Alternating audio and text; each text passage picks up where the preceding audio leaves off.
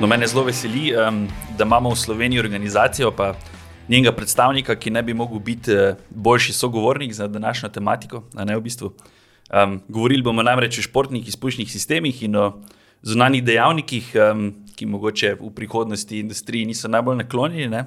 Tako da, Uroš Rosa, zdaj Rosa, ne? ali Rosa? Rosa. Rosa, Rosa okay. Ja. Uroš Rosa, dobrodošel v avtomagazinovem podkastu. Um, iz uredništva imamo v sebi še, še Matjaža, um, ki je glavni odgovorni urednik eh, avtomagazina. Pa bi mogoče najprej začel s čestitko, ker eh, če sem prav um, zasledil, te kmal čaka, um, oziroma boš kmalo obeležil deset let za volanom. Uh, podjetje mm -hmm. Krapovič ali, ali za bilanco, kako je pri vas, ali je še volan, ali je, ali je bilanca še prva, ali, Oboje, je- ali je ne, volan. oboje. Imamo oboje, imamo na eni strani balanco, na drugi strani imamo Mm. volan, tako da smo nekje zbalansirani, no, kar se tega tiče. Ja, bo pa deset let. ja. Mm -hmm. Uh, pa mogoče poveš najprej malo o, o svoji zgodbi z, s podjetjem. Um, ti si v bistvu rasel predvsej skupaj s podjetjem. a ne? Ja, moja zgodba se je začela, jaz sem se zaposlil 1. januarja 2019 v, v podjetju. Uh, ampak na 2009. drugih- 2009, ja, sorry, 2009. Uh, ampak takrat se je ta avtomobilski segment začenjal pri nas. Mm. Jaz sem v bistvu prišel kot projektni vodja za segment avtomobilov. Sem pač imel izkušnje tudi z avtomobilsko industrijo odprej. In uh, sem tam nekako začel, no, na tem tehničnem delu. Tako da takrat smo bili, avto, razvoj je bil še majhna ekipa, nas je bilo par ljudi. In uh, takrat je ta segment začel šele se graditi, pa rast. In, uh, tako da je bilo kar intenzivno na začetku, tudi dosta novih modelov, ker seveda, če vstopiš nekam, nimaš zgodovine, začenjaš z nule. Um, tako da potem tam sem nekako rasel, da v, sem prevzel raziskave, pa testiranja, pa sem bil tehnični direktor, zadnjih deset let sem pa pač izvršni direktor podjetja. Sam, pa sem prej napačno rekel, Ja. da si rasel s podjetjem, ker se je pa v bistvu to od leta 2009 do, do Ja. 2012 kar hitro zgodilo. ne. Ja, hitro se je zgodilo, ja, to se je hitro zgodilo, ja, to so bili mm. taki hitri časi, no, hitrih sprememb. Ja. Tako da ja, to so, bile, so bili skoki, hm, predvsej veliki na, v hitrem času. Ja. Ok, ok. Um, valjda, cela, mislim, pri nas, seveda je to podjetje znamka skoraj državnega pomena, lokalnega pomena in um, pri nas je kakor bi rekel, da je ena znamka že, ki. Uh, kjer awareness presega nek prodajni potencial, ne, pa um, ne bi bilo posebej treba predstavljati, ampak vseeno, mislim, kaj je Krapovičeva obljuba. Tako, uh, Ja, obljuba. Mislim, če ponovimo. naša, naša, naše vodilo je pač vedno delati najboljše možne rešitve ne, na področju spuščnih sistemov, generalno, pa m, nuditi inovativne rešitve na področju titana, kot tehnologija obvladovanja nekega materiala, tako če pogledamo malo širše. Ne. Izpušni sistemi, ja, so še vedno core business, avtomobilski, motociklistični, še vedno v količini pred avtomobili. Uh, delamo pa tudi na drugih segmentih, kjer je titan tisti material, ki je uh, zahteven za kakšno drugo področje. no. Tako da Ja, tega Ta sem del je malenkost manj znan, mm -hmm. ampak uh, gre mal, gremo malo širše. Ja, to sem ravno zadnjič bral, pa ja. V bistvu sem prvič zvedel za to, pa je kar malo presenetilo, ti si vedel za to. Da. Ja, ja vem, da je, vem, da ste uh, že dolgo na področju Titana. Jaz, osebno sem tudi sem dvakrat, trikrat obiskal tovarno. In um, enkrat, enkrat se spomnim, pred leti uh, šel mimo te znamenite peči, uh, kjer so uh, fanti ravno dvigovali odlitke. In uh, sem malo vprašal, tole pa ni ravno avtomobilski del, ker mislim, da so bili ravno. Pa mislim, da me boš popravil, ampak mislim, da so bili ravno impelerji jetskija. Možno, pač bili, možno, da so stvari. bili. Ja, ja. Tako Takrat smo imeli je- tudi neke testne kose. Ja, za, ja, ja, da, to. to, tem, Tako da to je- smemo, o tem ja, pa ne ja, smemo govoriti. ja, ja. Pa, no, aha. no, in tudi zraven, eh, v enem od teh hodnikov, kjer je Mhm. dosti teh draguljev skritih in pokritih, je bila recimo tudi varnostna kletka. Ena. Uh, iz Titana. Ja, to je še zanimiva- poskusna zadeva, tako da vem, To da, je- da, je, da so od takrat so se stvari že kar malo spremenile. Takrat, seveda, Titan, mislim, da še nima niti homologacije za uporabo v, Ne. kot varnostna zaščitna kletka v dirkalnih avtomobilih, zdaj pa mislim, da se te stvari že premikajo. Ta zgodba je zanimiva, no, mogoče, za ki si jo, Ja. omenil. Ne. To je bil, to, tak, konkretno ta kletka je bil takrat moj projekt. A ja, a ja, ja tako Evo, je to- to- zadeva. In je, je bila ideja, da bi naredili ja, varnostno kletko iz uh, Titana. Uh, za uporabo na Porschejih. Ja, Ker pač Porsche takrat, ja. GT3 je edina taka aplikacija, ker ti lahko varnostno kletko Se, privijačiš. serijsko. serijsko privijačiš noter, ker je že vse pripravljeno v Ja, vozilu. ja. Ja. Um, mi smo to predstavili celo na sejmu takrat Ja, in uh, primer, bistveno lažje, kot pač iz uh, jeklane, seveda. Ne. absolutno.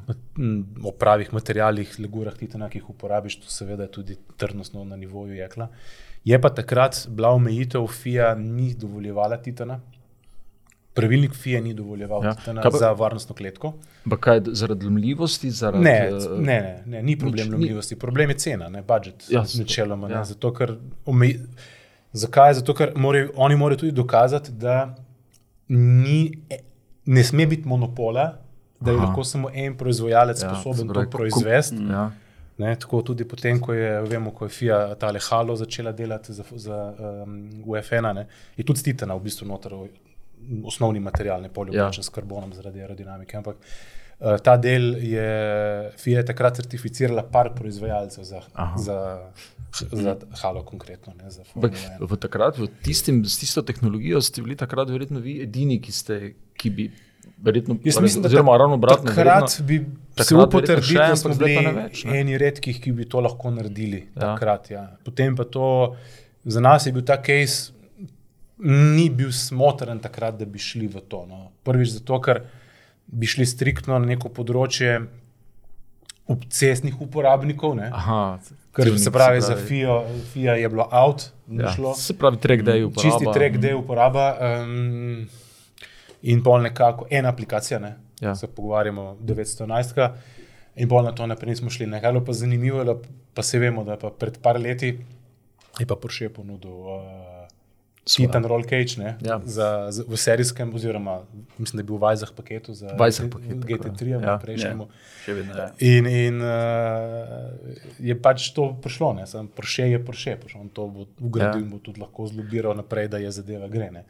Zdaj pa zanimivo, da mi pa zdaj proizvajamo iz Titana Roll Cage oziroma Rear Arch, mu pravimo komercialno za, za Lamborghini, ne? za Huracane STO. Ja. Tako da tisti je pač pa naš. Ne? Tako da je ta zgodba, ta zgodba je rabila deset let, da je dozorela, Da da, je so dozor- avtomobilisti ja. to začeli ugrajevati ne? V, v take avtomobile. Tako da pač smo pa tudi zraven. No. Nismo pri Porsche, smo pa pri Lamborghini, konkretno pri tem produktu. Ja, pri Porsche se potem več niso oglasili, da bi. Dele, smo bili v pogovorih, ampak so se pol odločili za enega drugega izvajalca. No. Čisto enostavno. Za konkretno GT3 kot takega. Mi smo pa pač z, pa z Lamborghinijem dogovorili, tako da je to. Pač, enkrat dobiš, enkrat ne. Ja, to je, to je, to je tako. to je v takem poslu še posebej. Ne? Ja, drži. Ja, okay. Če se malo vrnemo še na izpušne sisteme, ja. Ja. um, kjer točko pa recimo v zgodovini podjetja bi odločil, bi zbral za tako najbolj prelomno, da bi rekel, tako, zdaj smo tam naprej, smo pa res vzleteli in je bilo vse drugače. Kaj sem, recimo, ko ste uh, prvič prišli v MotoGP ali pa ko ste stopili še v avtomobilistični Ne, jaz mislim, da, trg. jaz mislim, da z vidika podjetja je bila prelomna točka, po mojem, tam leta 94. Uh -huh. To je pa bilo, ko so um, v bistvu vstop v mednarodni superbike. To mislim, da je bila najbolj prelomna točka. Ker takrat, ko potem enkrat se je, je podjetje začelo biti kot nek prepoznaven player na svetovnem nivoju v superbajku, je takrat moramo tudi vedeti, da Superbike je takrat imel dosti večjo korelacijo je, med Ja, cestnim ne. pa dirkanjem, mm, kot je zdaj. Zdaj še vedno nekako pravila to probojo držati, ampak je, je svet se zelo spremenil takrat pa do zdaj. Ja. Tudi GP takrat vemo, da ni bil tako. To je bila dru, popolnoma drug Druga, setup. ja. In tisto je bila, po moje, prelomnica, pa tudi prelomnica naslednja, spet vezana na Superbike, ko so dejansko vse japonske faktorje ekipe uporabljale ja. uh, Krapovič izpuh. To, to, so, to, to so bile, to je bila, po mojem, D točka um, nekega preloma, kjer je potem to mednarodno zanimanje se začelo povečevati. Če pogledamo generalno, no, bi izpostavil pač to Ja. kot eno. Mm. Pri avtomobilih, če moramo izpostaviti eno, je bila pa sigurno um, prva ugradnja za Porsche GT2. To je bil tak zelo velik kick-off za avtosegment. Noro. To je zdaj bil še za 996.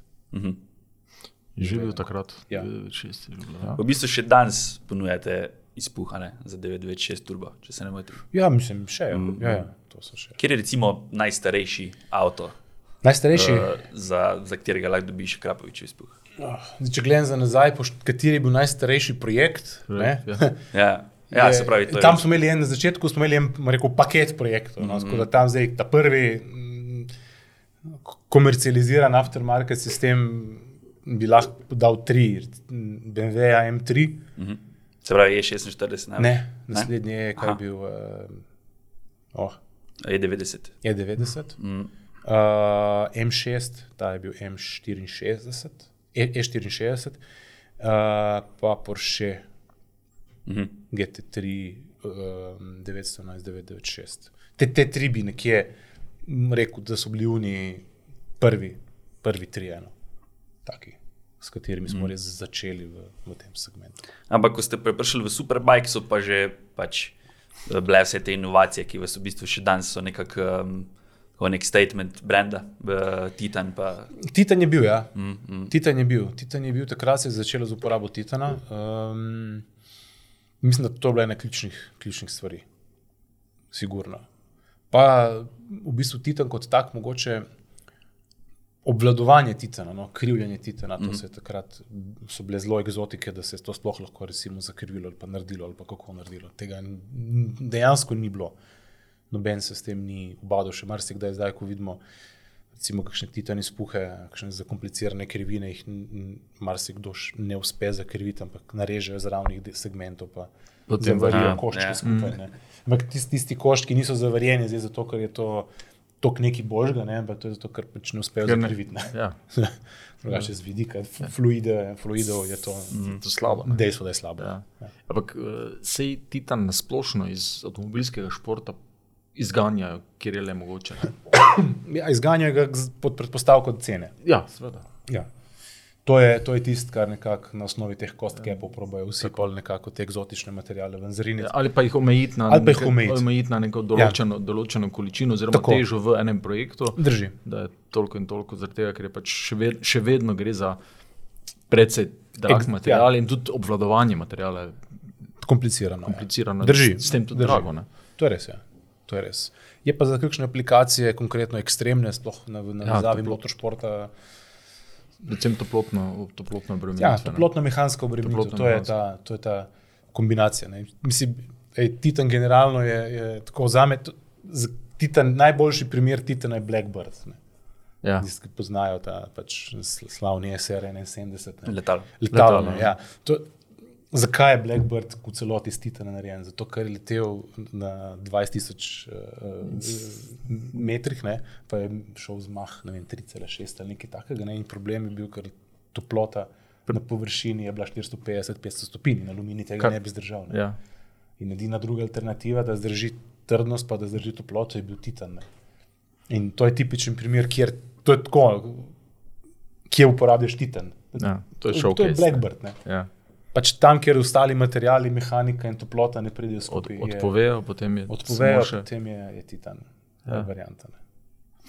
Pa Ali ste, pa recimo v drugih industrijah, kjer je ne vem, problem z uh, bakterijami, mikrobi, bio, bio Ja. uh, um, nekako dovzetnost do materijala. ja, medicina. je to, medicina, ne? Ja. Tle ima, tukaj so Stavki. te segmenti. Ne. Ja. Zato tudi ni široko. Široko uh, pa ste že v medicini, ste, Smo. ste prisotni? Smo. Ne v raznih implantantih in to, No, ne, ja. ampak medicinska oprema pa je. Aha, oprema kot taka. Oprema, ja. ne vem, ohišje za recimo vrtalne stroje za operacije, ja. pa tako naprej, take zadeve. Več implantanti so pa neka druga. druga Implantanti veja. so druga zgodba. Ja. To so pač spet zadeve, ki grejo v telo, certifikacije so drugačne. ja. Mm, in pač Zahtevnost. zahtevna zadeva. No, to. To, so, to je pa spet čist druga industrija. Pa lobby, pa vse, kar pa še. še Ja, tem- medici, tem medicini pa zagotovo. v ta paket. Ja. Ja. E, Matjaž, kdaj si, kdaj si ti prvič to slišal ali pa prepoznal Krapovič, pa, pa poštekel, da, da tukaj, pa, tukaj pa se gre za nekaj posebnega? Pa Ja, glede na to, da nisem resen, resno dober poznavalec motociklizma, čeprav pač eh, malo že sledim. Mm. Jaz mislim, da kar, kar od začetka, ko se je začel Akrapovič pojavljati, v, v, predvsem v, okay, v, v Superbajku, tudi, ampak MotoGP, predvsem. Pa potem, ko, je, ko, se, ko so začele avtomobilistične aplikacije, predvsem mm -hmm. v, športu, DTM, recimo, ne, mm -hmm. take zadeve, tam, je, tam se mi zdi, da, da od DTM-a, Palmana, da je tam, ja. da je tam uh, res torej prepoznavnost, nek brand awareness v globalnem, uh, tem, tem, pri teh premijskih znamkah se, mm se je to uh, drastično spremenilo. Okay, ljudje so vedeli, da priprašajo, to je to, ampak. Uh, vse tisti, ki so spremljali avtomobilski šport, ki so videli, kjer vse se je pojavilo, plus potem Dakar, mm -hmm. uh, so videli, da če, če si prisoten na tako toliko različnih uh, avtomobilskih športih, od najbolj obremenjenih. Uh, Potem je to, mislim, ni, ni dvoma o kvaliteti. Mm. Meni se pri tem vedno pojavlja, in vedno sem, kadarkoli sem imel možnost vprašanja, vprašal, zakaj ne formula ena. ja, Ampak vem, vem, vem. Sej, ne se uh, lahko če ni niti nobenega brenda v tem smislu. Ne, ne se, če gremo, mislim, jaz sem verjetno bil yes. eden tistih, ki so bili tam recimo pri, pri uh, šefu in ustanovitelju uh, brenda, je tam en, en zelo lep uh, izpuh Hondin iz uh, materijala, ki se mu reče Inconel, in ki je, ki je še neka nadgradnja, recimo Titana za nas, yeah. Ja. ki nismo tako dobri poznavalci metodologije. Um, in je verjetno, po mojem, je, se me boš popravil, po mojem, je vse stvar, uh, vse stvar uh, cost benefita. Ne? Tako je, F1. Um, ja.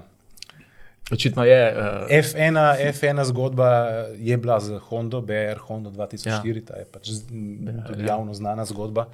Uh, um, edina javno znana zgodba. Edina javno znana zgodba, no se yeah. Ja. to potem nekaj pove. Ne?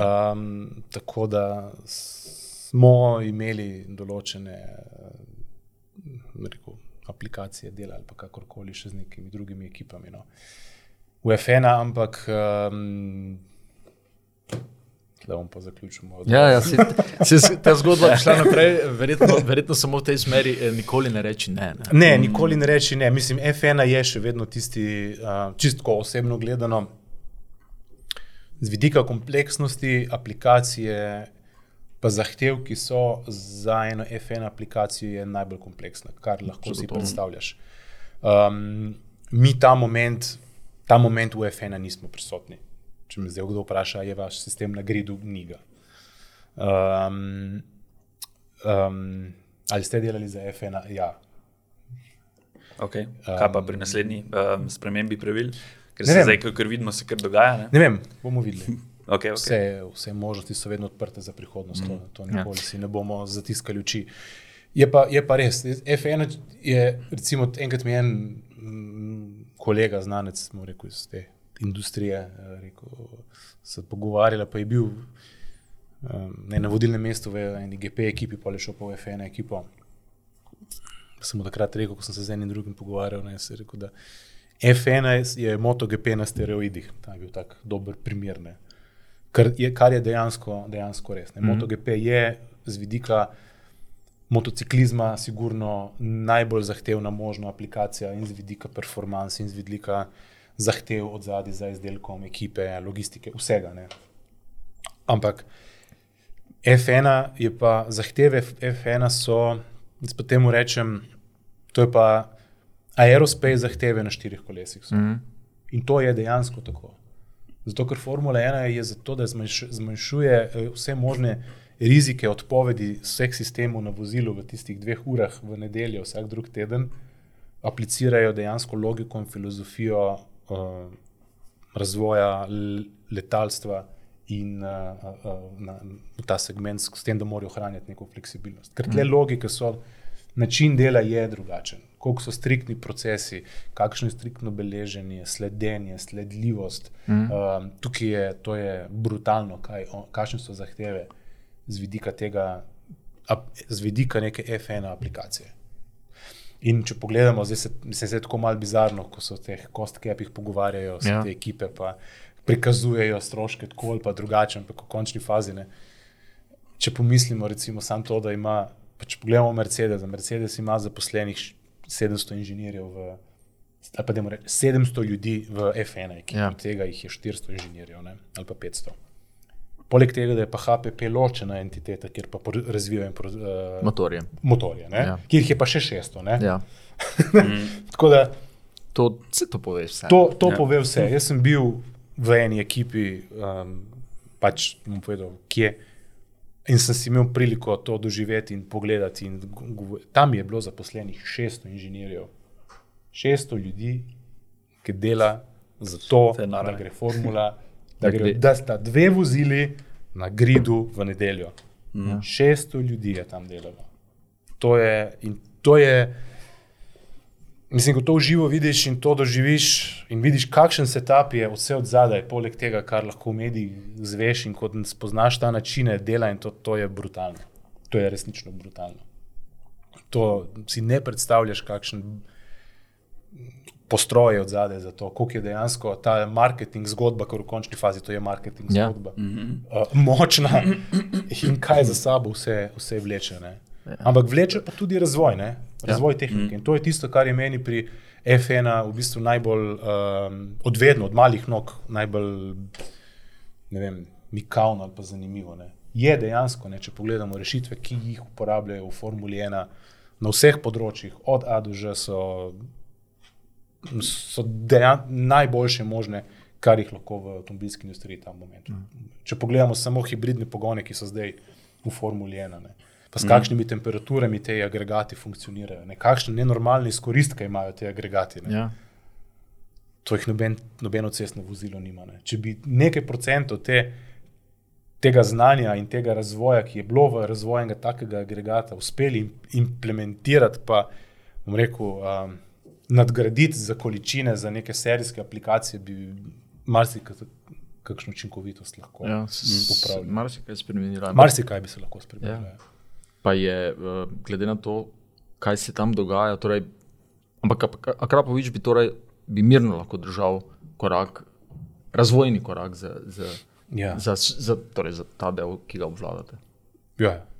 ja, tukaj ni, ni, ni dileme. Pa bi šla ta eh, logika razvoja v to smer, torej, uh, ko recimo ena ekipa formule uh, dobi, uh, oziroma uh, nariše uh, svoj, uh, svoj izpuh, ga predajo vam, ali je logika ta, da glede na zahteve in, in agregat, Odvisno. vi v obe smeri gre. Ponavadi pri tek- resnih aplikacijah, kjerkoli zdaj se pogovarjamo, avto ali pa motor, Ja. ja. v splošnem, je to vedno neka interakcija. No. Uh -huh. ja. Gre z obeh strani. No. Neki predlogi iz ene, z druge strani, testiranja, iteracije. In potem prideš do nekega optimuma. Skupen razvoj običajno. potem, Običajno. ne. Mene zanima v zvezi s športom še um, v zvezi z motivi. Recimo, pač sigurno vam je to neki tehnološki playground, še vedno, ne? Uh -huh. pa potem, koliko je to še vedno nekega marketinškega dejavnika, ki pa vpliva na, na aftermarket prodajo, pa, um, ali pa koliko je pa recimo neposrednega finančnega učinka, kaj bi, kaj bi tu ceno, kaj je, kaj je najpomembnejše, oziroma zakaj pač ste tako predani temu še vedno. Ne? Motošportov. Ja. Direktnega finančnega učinka ga ne bo znal noben zračunati. Mm. Ni variante. To, to, je, to je irrelevantno. Ampak recimo v neki hierarhiji z ostalimi uh, dejavniki. Mislim, jaz bi tako rekel, biti prisoten v nekem top motošportu je ključnega pomena, če ti gradiš blagovno znamko uh -huh. z vidika nekega performansa pa zdržljivosti. Yeah. Uh -huh. Pravi, ti moraš biti prisoten tam za blagovno znamko. Zdaj, če si ti konsistenten s tem, da če ti si kot neke vrste, če si prisoten za blagovno znamko na vozilu v motošportu in za produktom na tem vozilu, potem imaš zgodbo, ki jo konsistentno mm. gradiš. Ja, In potem, potem je v bistvu zaupanje končnih kupcev jasno reče, ok, ne. Oni so pa res prisotni z aplikacijo v vem, MotoGP-ju, Le Manu, wherever. Um, in se pravi, so sposobni narediti aplikacijo za najvišji nivo, kar pomeni, da to znanje in tehnologijo prenašajo tudi v serijski produkt. In to je naša filozofija, bila od začetka in se jo držimo. Ne, ker mi ne uporabljamo, bist, mi ne uporabljamo drugačnih materijalov za serijske aplikacije, mm. kot jih za MotoGP aplikacije ali karkoli drugega. Materiali so enaki, tehnologija je enaka uh, od zadaj. In v redu, znanje je v končni fazi tudi enako, ampak je pa ne usmerjeno na, na konkreten primer. In uh, zahteve so le drugačne. To je pa treba vedeti, zdaj pa ti delaš aplikacijo za cesto, ti delaš aplikacijo, ki mora dve uri zdržati, pa druga zgodba. Ne? Tam si imaš malo več, bolj proste roke za kakšne ekstremne primere, prijeme in tako naprej. Ampak ta korelacija je bistvena. Mm. Torej, pač prodajni argument je pač najboljši. Ja, Absolutno. to, to, je, to je tisti, kar rdeča nit. In mislim, da biti konsistenten v tem je ključnega pomena. Mi nikoli nismo šli in ne gremo po logiki, ja, nalepka, pa ne aplikacija. Marsikdo to gre, kupijo pač oglasno mesto na, na vozilu, katerem koli, plačaš x evrov in si gor s produktom ali pa nisi. Kvečemo obratno. Ne? Kako mislite obratno? Kako misliš obratno? Mislim, v, v, vem, da je bilo v, v štartu pri DTM-u, da je bilo nekaj časa tako, da je prvo leto, mislim, da ste bili samo z, z izdelkom, ja, Ja. šele potem je nekako. Ne, v DTM-u, v DTM-u smo bližje v štartu. Ne, Le Mans je bil ta primer, ne? Uh, Le Mans pa je bil. z Audijem. ne. Le Mans z Audijem pa je bil. 20 smo mi že dejansko bili Ja, ja, na ja. ja. vozilu, ampak nismo imeli Tako, sponzorstva, tako. uradnega, tako, Uradnega, z blagovno ja. ja. znamko nismo bili. Ja. 2012 smo bili pa prvič za blagovno znamko. Z, ja, tudi z, Tako. z logotipom in Z imenom logotipom na- in z na- imenom. Na z dirkalniku. Ja. Tako na dirkalniku. Ja. Hm, to Tako, to je, to, prej pri nas je bila zgodba preobratna. No. Mi gremo iz produkta, iz aplikacije, naprej izhaja potem ta korelacija Ma- z blagovno znamko, pa imidžom, pa z vsem. marketinškim delom. Ja. Tako. Ja, lahko dobimo še mogoče malo razreza v, v aftermarket trg, recimo uh -huh. osebnih vozil. Pač, Ja. ja. Pa tudi v kakšnem stanju je trg, pa kje je zdaj Krapovič, ker pač vem, da vas ves čas vas omenjamo kot liderje, ampak to ne vemo pa zares, kakšno um, teh nekih razmerij. Ne? Um, Ma, o razmerih je pa težko. po, po zadnjih letih, ja, Ja, pač, ja. ja. So bila že tudi kar precej turbulentna. Um, zdaj, ne vem, razmerje na praktični konkurenci je skoraj nemogoče ocenjevati. To je, niti ne znam povedati. Ja, Ja, ni- ni ker tudi podatkov deležev. tržnih deležev dejanskih, mm. pa, pametnih eh, ni. Um, je pa dejstvo, recimo konkretno nam promet še vedno raste. Povpraševanje na trgu je, je izredno veliko. Bilo je tudi v času krize, tudi v času korone, je bilo sicer je bil nek padec, ampak relativno majhen padec. In takrat smo bolj občutili zamajanje na strani proizvajalcev, spravi tega dela, ki, ki direktno z OEM-i delamo, spravi s proizvajalci, ker so oni imeli padec prodaje vozil. In posledično potem tudi naše aplikacije za ta vozila so, so padle. ne. Je pa aftermarket trg takrat dejansko vlekel, ker končni uporabniki so pa še vedno želeli nadgraditi vozila ali motorje ali avtomobile, kakorkoli. Ne. Tako da ta del je bil trg, trg je. M, Povpraševanje na trgu je še vedno zelo veliko, ponavadi več, kot mi uspemo uh, zagotoviti kapacitet. To je m, zaenkrat še kar v tem, v tem stanju. Trgi so pa različni. Za nas je največji na avtomobilskem segmentu je, okay, je Evropa kot taka, v Evropi je Nemčija največji trg, uh, globalno gledano je Kitajska, izredno močen trg za naš aftermarket. Izredno Kitajska, izredno močen. Pa uh, Amerika, ZDA. Ampak se še vedno, je še vedno um, moč najti, predvsem na kitajskem, ogromno ponaredkov. Je, Je, seveda. Pa ne samo na Kitajskem. pa niso tudi na kitajskem, tudi pri nas. Je, Ja. tudi pri nas. Ponaredki so zgodba zase. Število ponaredkov je nenormalno. Res? Ja, nenormalno. Ko Se, če se pogovarjamo o motociklih, so to ponaredki dušilcev, spravi skoraj Ja. ja. celih sistemov, kar je relativno ja. enostavno narediti in to iz vzhoda, ne samo iz Kitajske, Indonezije, Tajska. To prihaja v kontejnerjih v Evropo. Kompleten ponaredek. Torej z Kompleten ponaredek z logotipom Made in Slovenija, napisan gor z vsem. Oh. Tailpipe, spravi izhodi za ja. avtomobilske sisteme, se proizvajajo v nenormalnih količinah, sploh na kitajskem. Kak je pa vaš odnos? pa do tega? Karbonski, Mislim, jaz, ja, sem ga, jaz pristop. sem ga pred leti naročil, Aha, Ja. ja. ker sem hotel videti, če bo prišel domov, sem ga domov dobil ponaredek. Z Made in Slovenije napisem pa našo prodajno kodo. A, bi si ga dal na Z avto? Kitajske, ne. Sem ga pa dal na test, da vidim, z kakšnega materiala je. Aha. Aha. Niti približno ni bil Kaj rejen. pa- Ampak se nima veze. pardon, Ja, ne, ampak ni, ni dosti krat tako, da, da tudi carina eh, nadzoruje te Mi imamo, ja, te sem, stop teh. teh eh, tako drži. Mi imamo, mi imamo tudi posam, določene ukrepe, da se borimo proti ponaredkom. Imamo tudi tako imenovano neko brošuro izobraževalno, kako ne rečem, ki jo imajo na evropskih carinah, spravi na carinah. EU-ja. Uh, zdaj pa stvar dovzetosti posamezne Ja, carine, koliko v to gre. Jasno. Ampak nekatere carine So po striktne. Evropi so zelo striktne, slovenska carina je zelo striktna, tako da je vse pohvale na brnik, ko pošiljke pridejo, dosti krat dobimo, uh, že kar sami to precej obvladajo, kaj zavrniti, pa kaj ne. Tu v Sloveniji je ogromno tega. V Sloveniji naročajo razni avtoservisi naših ponaredkov z Kitajske, kako hočete. Ja, ja, ja, ja. Potem se pa čudijo, ko jih na carini ustavijo, pa jih mi damo, rečemo, da to pač je ponaredek in mora iti na uničenje. Ne? Pa potem se čudijo, zakaj je na uničenje. Ja, to, ko ste kupili pač ponaredek ja. iz Kitajske, mm. zato ker je to ponaredek. Ne? Zato samo pa reče, pa reče ponaredek in iz ni, ni je kopija. kopija ga spuha, gre tako ni mogoče uničiti drugače. Kopija gre pod prešo, to je pač dejstvo. Ja. Tako to Ampak funkcionira. je ponaredek tudi, torej so deli iz titana, so deli iz karbona. So, So iz karbona, iz So- karbona, so titana ne. titana pa Titana, da niti ne, mogoče kakšen del, ki je pa tja na, sem pa tja na kakšnem uh, sistemu za motorje, ampak načeloma ni titana. Ne. Koliko se tega uniči v Sloveniji, ne vem, v Sloveniji, mislim, podatek Tako zelo preko palca. Ma, težko rečem, no, prek palca. Uničujejo carine. No. V nekaj, v nekaj sto primerkih pa zagotovo. Jo, jo, jo, več kot sto primerov. Oh, A pa vas pokličejo za identifikacijo, za Mi prepoznavanje dobimo, tega. Pač. seveda, je. Mi dobimo iz carin, katere koli carina pride, pač mi imamo kontaktne, oni imajo kontakte, kam posredujejo, oni posredujejo fotografije, ponaredkov. Mi imamo od- neko službo interno, ki oceni, da to je ponaredek, dokaže, da to je ponaredek. Za primerjavo z originalom, oni dobijo ta uradni dopis in potem zadeva gre, oni ustavijo na carini, ne gre naprej na trg. In ko se toliko stvari nabere, gre na komisijsko uničenje. Ja, zanimivo. Kot ponaredki in to Ja. bager zapelje čez, Ja, ja, to potem to, to gre naprej. Pa greš čez, pa na Na koncu smetišče. pa Na smetišče. Tako da tega je, tega je, dosti se ustavi, še več pa pride čez. To je pa dejstvo. Ja. Ne, bi si mislil tako. Ja, ne, mislim, vedel sem, da to nekaj Ja, ja, ampak da so take da pač količine. se da- dogaja, to- ampak Ne, more, to je, ne moreš verjeti, koliko je ti. Mm, mm. Ja, seveda, dražji kot je, dražji kot je izdelek, Ja. ja. večji je zaslužek eh, teh, ki to delajo. ne. Seveda. Sej, a veste, po naredki, tako generalno gledano, ne, so tudi neke vrste pohvalane. Ja. Vse to. No, to da- sem te to hotel je- vprašati. to je pa kak- druga stvar, Pač, kak je vaš odnos do, do tega, ali ste tako flattered ali pa. Ne, pač mislim, po eni strani, užaljeni? če, če po, mislim, ne, užaljen si Ja. težko, ne, zdaj. Se eh, pod- Če Rolex mm. ponaredijo, je jasno, Ja, da absolutno. dobiš ponaredke mm. ur, kako hočeš. Ne. Ja.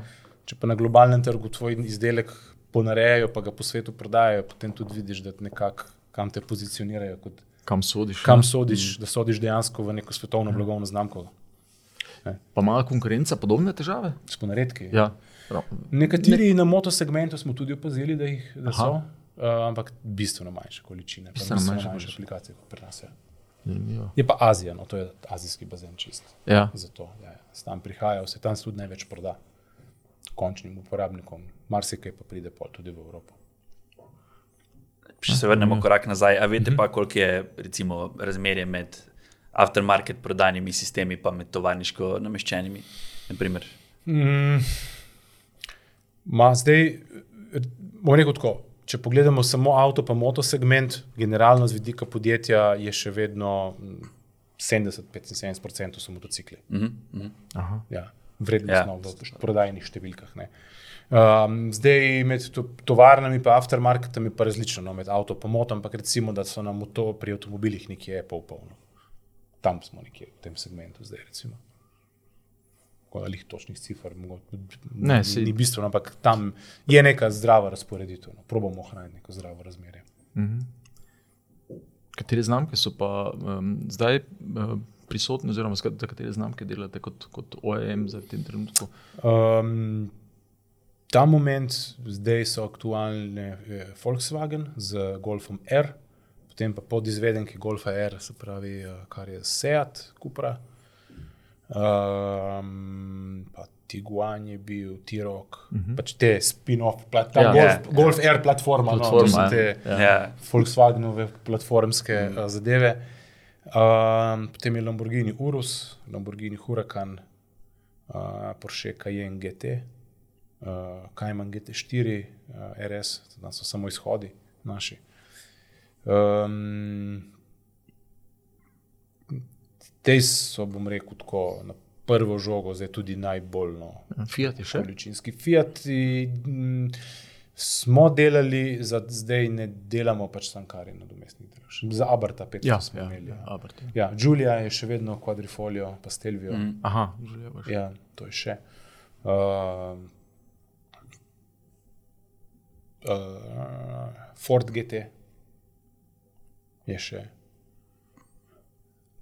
Pa še kakšnega sem se ga zdaj tako spomnil. se- Še- Ja. Ampak te so najbolj, te so najbolj količinsko mm. tudi pa v aplikacijah. Ne. Se pravi, to so nekako bestsellerji, ali kaj pa. Ja, ja. še Audi, RS6 omenjali. Ja.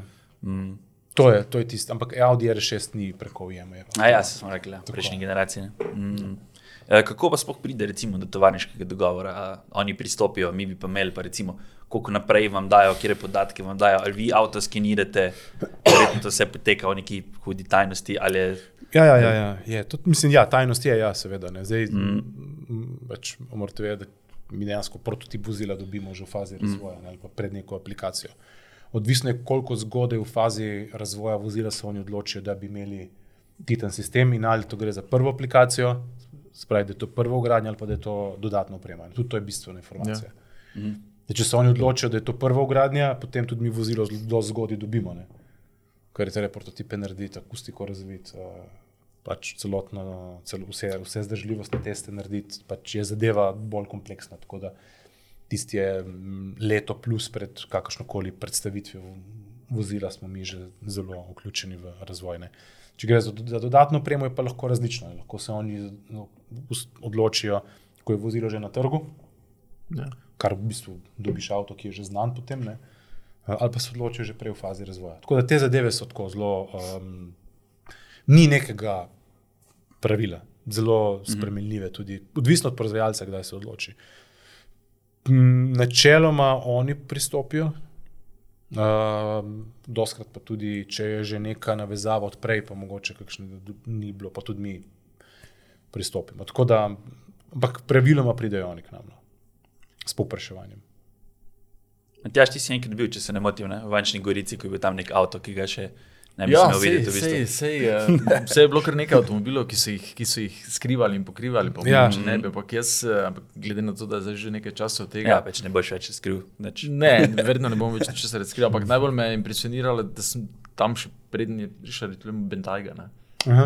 Ne. Aha. Uh, Ja, ja. Je bil en tak avto, ko, ko smo pa s- je se, se hala hitro zaprla, ko smo Mhm. se šel mimo, ampak takrat je še bilo to v razvojni fazi. In, Ja, ja. um, pa tudi eh, enkrat, dvakrat sem bil tam, ko je, ko je bil še golfer v predvsej razvojni fazi. Pa, Ja. ja. To je pa tudi, koliko se spomnim, pa tudi ta proces je kar dolgo trajal. ne, V da- procesu s Volkswagen za golfom je dolgo trajal. Je dolgo trajal, ja. ker vem, da sem bil Ja, ja. ja. dva, trikrat tam, pa je bil vedno še. Pa, Ja, ja, uh, tam je bilo iteracije, bilo ogromno.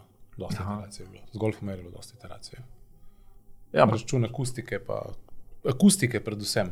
Akustika je bila tam zelo ja. Ja. ključna. No. So imeli kar dost, dost kompe, zelo kompetentno ekipo na, na, na njihovi strani za vrednotenje sistemov, pa akustike, pa tega. Pa Mislim, to je verjetno, če dobiš na drugi strani kompetentno ekipo, je potem Je bistveno del, lažje. mm. lažje delati, pa tudi neko večje zadovoljstvo je, da Ja, ja, ja, ja, imaš ja. na drugi strani Ja, ja, ampak- človeka, ki ja. ja. ve, kaj ti delaš. In, Je pa, je pa tako, ne, da vedno je pa. Je zelo odvisno, kdo je na drugi strani, to je, to je res. Po drugi strani je pa treba vedeti, da m, zanimivo je to, ne, da na koncu je ocena zvoka vedno subjektivna. ja. Ja. Tudi, tudi karkoli smo delali, vse narediš, vse analize, meritve, aplikacije, to vse. Ampak kar človeško. Ampak na koncu je človeško uho tisto, ki reče ja ali, ali ne. ne. Tisti občutek, ki ga posameznik ima, ko je toliko vozil že dal čez, po različnih ali pa izvedenk nekega vozila, Ja. ja. ki bo rekel: v redu, tle to manjka, tle to v redu. To je, naš, to je zvok, ki je primeren za to vozilo. Se pravi, stajajo neki svetovalci, ki na koncu pač povejo o zvoku svoje mnenje. Ja, ja. Mm. To je zelo subjektivna mm. zadeva. Ful. In enemu vozilu nek zvok paše, enemu vozilu nek zvok ne paše. Pri nek, nek, nekateremu slišiš nekaj, kar te moti, Ja. pa mogoče ni. Jaz tudi sam vem, ker sem jih pač dost prevozil teh mm. različnih izvedenk eh, v fazi razvoja. Še zdaj marsikdaj fanti pokličejo, le pridi, no, kaj se ti zdi. Ne? Kad v- Pač ja. Imaš neko interno bazo tega, uh, Tega Ja. znanja občutka, in- pa znanja. Mm. In nekaterim vozilom dejansko se voziš in neki ne paše, ne, neki ni. Neki ni v skladu, ali pa nek, neka frekvenca se pojavi v nekem ja. Ja. momentu, ki je zelo moteča. Lahko, ne, in, um, to je tisti občutek potem. Pa še en prototip. Pa še enega, pa še enega, Pa še enega, pa še enega, pa še enega. In je res, in je dosti tega.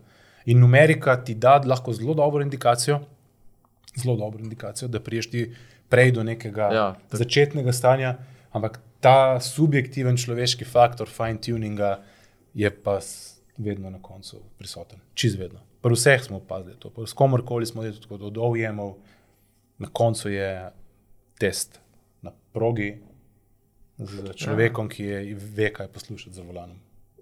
Ampak za aftermarket se pravi, praviš, da so pri Volkswagenu pač valjda se pri tem odločili zraven, ne? če pa je aftermarket, Se pa ni. eh, izpuh se pa vine. Tako, Mm -hmm. tam se pa mi odločamo. No, se, glede, na, glede na rezultate, v glavnem pravilno. Ne? Ja, mislim, da je. Mislim, da je kar dosti dobro. ne. Tle je en kompromis med uh, zvokom, ki ga želiš doseči, regulativo na drugi strani, ja. um, ne vem, mm. Ja. udobjem vsega. Ne? Ja, Tako da z tega vidika je avto zvokovno raz, razvit kompleksnejše, kot pa uh, motocikl. Mm. Ne. Pri motociklu v končni fazi zvok ja, pač mora imeti neko, neko znano noto, tonaliteto, ampak um, s čelado na glavi se vozi, to je to. Mm. Tem, ko pa v avtu ti nek avto lahko uporabljaš, zdaj če je to nek ekstremen športnik, v redu. Ne. Pa še ekstremen športnik, vemo, da ga nekdo uporabi tudi za se samo po promenadi peljati, pa bom Ravno zato. tudi to ne gre skupaj, marsikdaj. Ja. In, in, in, in potem vidiš, da mora biti ta zvok uglajen na eni strani ali pa športen na drugi strani. Po drugi strani, pa če se bo nekdo odločil, pa s tem vozilom naredil 500 km, mu tudi ne sme glave raznesti zaradi nekega bobnenja. Ne? Urah, ja. Tako da,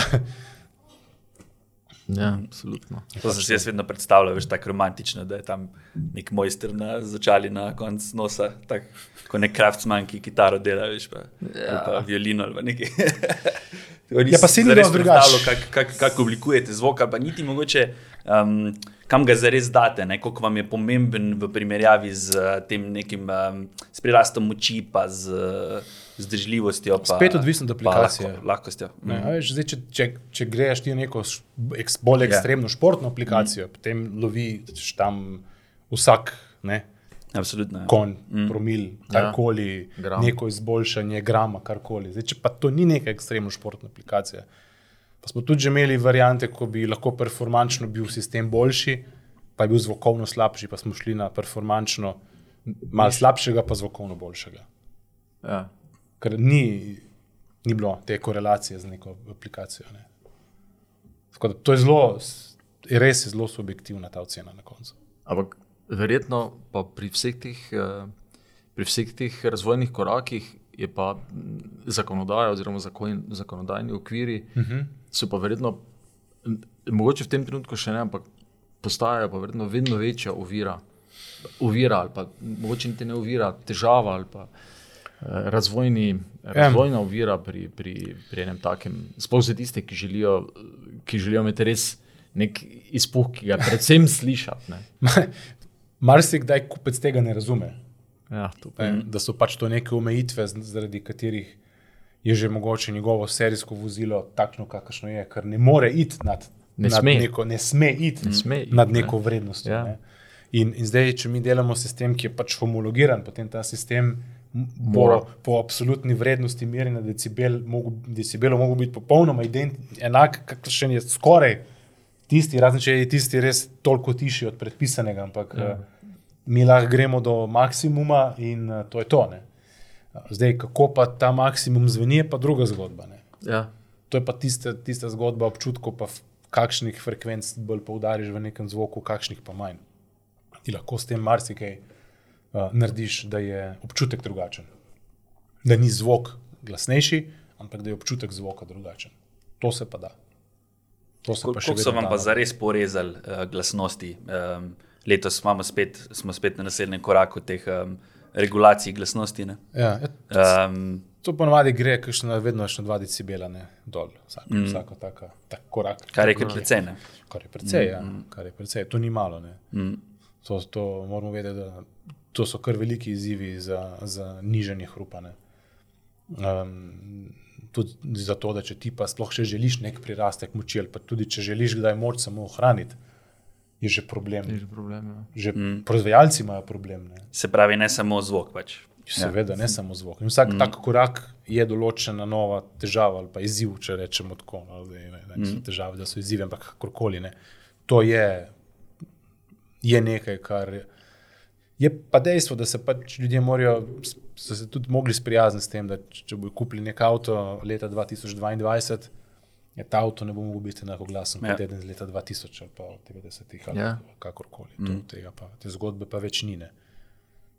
in vsak after treatment sistem v izpuhu za vem, od OPF filtrov, katalizatorjev, vsega tega, kar pač ugrajujemo, je vse nekaj, kar določene mm. frekvence enostavno poreže in fizikalno je ne mogoče mm. več ven spraviti, če že vsi ti sistemi določeno veliko mejo porežejo. ne. Se pravi, če tukaj zdaj malo bolj jasno še povemo, na eni strani imamo omejitve glasnosti, na drugi Ja. strani imamo pa pač uh, neke stvari, ki jih pač je treba ugraditi zaradi emisijskih Tako, zahtev. za emisijskih zahtev ja. držijo. Mm. Tako, točno to. Kaj pa recimo bolj omejuje? Ali, uh, ali emisijske zahteve, ali te zadeve, ali sama, To je ali sama čist- ta. Ma, to gre z roko v roko. Mm, mm, Čim ti emi- emisijske zahteve bolj omejuješ, pomeni, da tudi moraš bolj goste filtre, več mm. filtrov, kakorkoli Ja. yeah. ugorevati, kar posledično vsak element znižuje nivo hrupa. Že, v, a pa tako bom rekel, razpoložljiv, razpoložljiv uh, zvok, ki ga ti še lahko dušiš, ali ga pa sploh ni potrebno več dušiti. ne. Ja, samo, Ker obliku, samo oblikuješ. oblikuješ. Ker tudi vemo, da marsikateri yeah. dizel, že, že v fazi, ko so DPF filtre začeli ugrajevati, yeah. sploh nima več dušilca. Ja. Hm, ne, So bile samo še cevi, ker ni bilo potrebe, mm. ker so bili že dovolj tihi. Ja.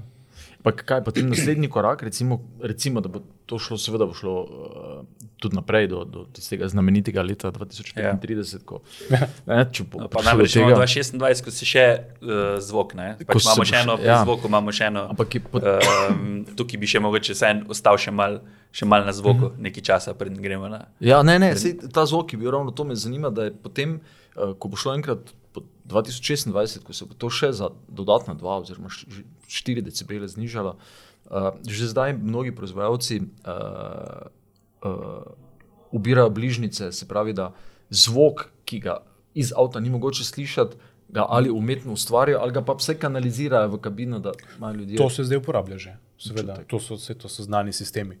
To so že te pasivno dodajanje, oziroma ni, ni pasivno, dejansko aktivno dodajanje zvoka v kabino je prisotno. Uh -huh. Eni ga dodajajo prek uh, zvočnikov, drugi ga dodajajo prek vetrobranskega stekla, ki up, up, deluje kot zvočnik, ne? Ja. da se dejansko vibrira, pa uh, frekvence tega, teh aplikacij je ogromno. Mm. To, m, se upam trditi, da ni modernega športnega ali pa nekega avtomobila, ki tega nima. Ja. Praktično je posod. Mm, Se opaziti, če se peleš. Ja. Pač. To opaziš. Ne? Tudi mi, dosti krat, ko potem razvoj delamo, te sisteme izklopimo, da sploh vidimo, kakšen je naraven zvok, ki sploh pride iz, iz vozila v kabino. Ne? Ja.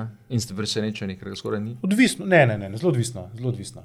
To, pri nekaterih več, pri nekaterih manj. Odvisno je, kako dobro je to narejeno, pa koliko, koliko tudi opaziš, da je ta zvok uh, generiran sintetično. Ne? Ker moramo vedeti, da zvok, vse veste, da zvok se v kabino po eni strani ja prenaša kot valovanje zraka, po drugi strani pa se zvok prenaša tudi kot uh, v vibriranje karoserije, ja. sedeža. Ne? Mi zvok občutimo mm. s celim telesom. Ne? Mi zvok ne občutimo samo z ušesi, tudi to je, tudi ja. To je dejstvo dojemanja zvoka. Ne? Zakaj je bolj, bo zvok pomemben nekomu, bolj pa nekomu pač manj. Ne? Um, tako da je to treba ja, vzeti tudi v zakup pri vsem tem. Ne? In to, to, bojo, to so težave, ki pač bojo prisotne. Absolutno. Ne? Kako se pri Akrapoviču pripravljate na te? Eh, Mi se pripravljamo s tem, da v bistvu res dosti še vedno vlagamo v razvoj, pa iščemo nove rešitve tudi z vidika aktivnih sistemov, kjer bi mi lahko na neke vrste ne prek zvočnikov, recimo, generirali zvok Aha. um, posredno, ne, ki bi se lahko prenašal in na okolico, in v kabino, tako da imamo nekaj takih projektov tudi v, v, v, v, delu, tako da se malo s tem tudi igramo. Um, predvsem pa mislim, da je ključno, da je zdaj, če gledam nek, neko. Pa ob predpostavki, ne, da se bo ta, ta scenarij 2035 dejansko odvil, pa da bo to šlo ob predpostavki. Ne. Predpostavke. Po mojem, še za to predpostavko bi rabili še en dvourni podcast, da bi obdelali. Ja, tem- dva. Ali pa dva. ne. Dva. dva ja. Ker nisem čistko fizikalno gledano množična elektromobilnost, jaz jo ne. Jo, kot, bo, ja. kot ne vem, strojnik si jo ne predstavljam, ker ne vem, s kje bomo dobili ne elektriko, pa kako jo bomo do uporabnika pripeljali. Pa, us, pa pustimo samo ta del, če že. Vse to je, tu, tu se Ne. približno. Ja. Če že vozilo kot tako uh, izuzamemo iz enačbe, Ja, ne. experience, če vzamemo. Ja, pa pustimo. Ne. Mm, Ampak, dajmo reči, da 2035 neka ta predpostavka ali karkoli, kar mi tudi vidimo zdaj. od, od, od proizvajalcev je, ne, da predvsem ekstremno, če se pogovarjamo o športnih avtomobilih, pa športnih izvedenkah, moje, to je pa zdaj čisto osebno mnenje, je, da bomo imeli dva, dve možnosti aplikacije. En del bojo odžrli uh, električna vozila.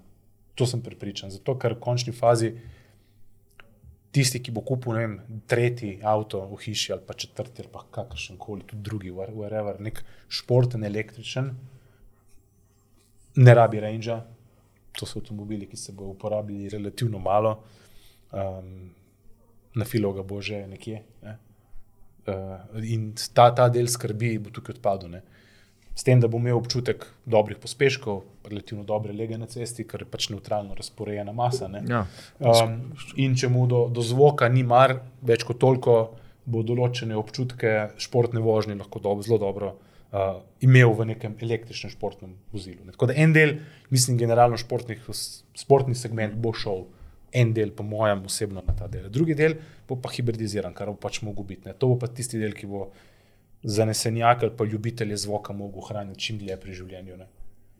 Ker ena stvar je, in ena stvar je, ne, mi, mi zato toliko bolj razvijamo te aplikacije, tudi s Titana, ker vsak hibrid vemo, da prinese dodatno težo. In zato se tudi nam vidimo iz trga, pa pri proizvajalcih, zato tudi vedno več teh povpraševanj, pa želja prihaja. Ker vsaka naslednja stopnja hibridizacije pomeni toliko, Dodatno. toliko kil več, kar pomeni toliko slabše vozne lastnosti, seveda. toliko slabša dinamika vozila in vse s tem povezano. Zdaj ti te kilograme moraš nekje poskušati sklestiti, po domače povedano. Ja. Zdaj z nekim izpuhom, z nerje večjega jekla ali pestita nas, lahko prešparaš, ko ne vem, pavšalno 10, 15 kg, mogoče pri kakšni aplikaciji tudi kaj več, ampak smo tam nekje. Ne. In zdaj, če ti uspeš z tako aplikacijo ohraniti zvok, ki nudi pač emocijo določenim tem uporabnikom, pa še to težo nujne hibridizacije, Sklestiš. Uh, sklestiš potem imaš neko, neko garancijo, da bodo kupci še vedno bili pripravljeni to kupovati. Ne. Ker tukaj je ena stvar. Ne, zdaj, jaz sem dosti razmišljal recimo, o tem, pa ker sem imel priliko pač res veliko avtomobilov voziti, pač tako kot tudi vi, ne poznate.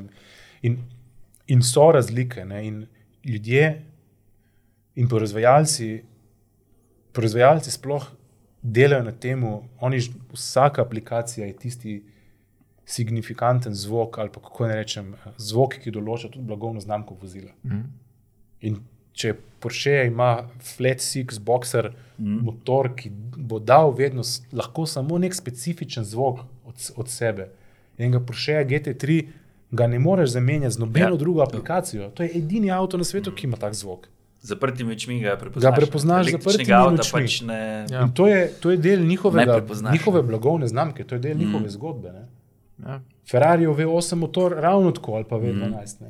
ne, Ja, tu ga se trga drugega, en ne. ogromen del identitete. Ja, Ni, sigurno. točno to. In ni drugih. In oni so, oni so razvijali in peglali in razvoj agregatov in zvoka skozi leta, da so dobili zvok ja. kot del njihovega brenda. Ne.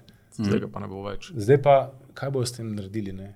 Ali ga ne bo več, ali bo v omejenem obsegu, ali dokje bo to uspelo ostati, je pa ključno vprašanje. Ne? Mislim, da tle bo še bistveno večji izziv za proizvajalce, kako bojo ohranili neko identiteto blagovne znamke ob predpostavki, teoretični, če bi bilo res vse na elektriko. Ne? Ja. Kar pa jaz mislim, da dolgoročno, moje mnenje je, da elektrika ni tista rešitev za množično mobilnost. Bo verjetno neka kombinacija ali pa nekaj tretjega, kar še mogoče zdaj ni v fazi množične mobilnosti. Ne. Ja, zagotovo. Neka, ja. neka kombinacija bo morala biti, ker Ja. če bo, če bo vse šlo na elektriko, bo, Bo kolapsiral. bo, bo, bo počepnilo še malo. Čeprav, kar se zvoka tiče, smo že zdaj skoraj tam, ne, o tem, če se vrnemo na to, kar smo se prej pogovarjali. Pač ta zadnja generacija športnih avtomobilov je res, so dost rezervirani glede tega. Ne. So. Mislim, BMW, EMI v primerjavi s prejšnjo generacijo. Mm, Res je. Res Sam- ni več toliko zvočnega ne no, absolutno ga ni, ne, Ja. se ga ne more biti. Ja, ampak še vedno ohranja neki, ne? neko, neko Mm, tonaliteto ohranja. ja, neki, neki je tisto, kar je. Ne? Recimo mm. tudi vem, nek Audi RS3 z petcilindrskim motorjem. Ja. Veš, Ja. da je, mm. R s 3 s 5 cilindrskim motorjem, da ni Golf Mas- R za 4 cilindrski. Ja, ima, ima svoj ne. podpis. Ja. Ima svoj podpis, ker agregat zgenerira tok- tako tipologijo frekvenc, ki boš vedel, da je to. Ne. Tudi en Ferrari V8 ni isto kot en, ne vem, kaj zvem, Audio V8 ali pa whatever, ne, ali pa mm. Lamborghini V10 ni isti kot ne. Mm. Tukaj so razlike. Ne. In so te fizikalne razlike, ki potem pripomorejo, da ti zvok mm. nativnaš blagovni znamki primerno. Ne. In, uh, um, to je, po mojem, bo, bo hud, ve, hudo velik izziv. No. Sploh za te znamke, teh nekaj znamk, nekaj, če pogledamo globalno, ki delujejo v tem segmentu in kjer je zvok pomemben del njihove ide- identitete. A pa ste pri vas zdaj razmišljali, da bi uh, pristopili k oblikovanju zvoka in jim pomagali, vem, na kak drug način, pač za električne avte, izven, se pravi, izven generiranja zvoka skozi spust. Ja, pač. so bile tudi te ideje, ja. so bile tudi te ideje, ampak zaenkrat um, smo ohranili to, da pač v sintetičen zvok kot tak ne, ne, ne gremo, ampak nikoli se ne ve, Ja. kaj bo prihodnost prinesla. le. Mogoče bo pa tudi to ena od smeri. Jaz sem zato, da se še gremo malo tako pogovoriti kot avtomobilistični fani. ne. Um, a imaš mogoče kak najljubši zvok, pa ne motorja, ampak da ima najprej izpuha. Recimo, na kjer je avto ti uh, Krapovičev izpuh najlepši zveni, če lahko to poveš. Hm. Težko vprašanje. Mm, težko vprašanje. zelo težko, ja. Zelo težko vprašanje. Ali pa tri, recimo. A, tri, to je lažje mogoče. tri. Porsche GT3, Okay.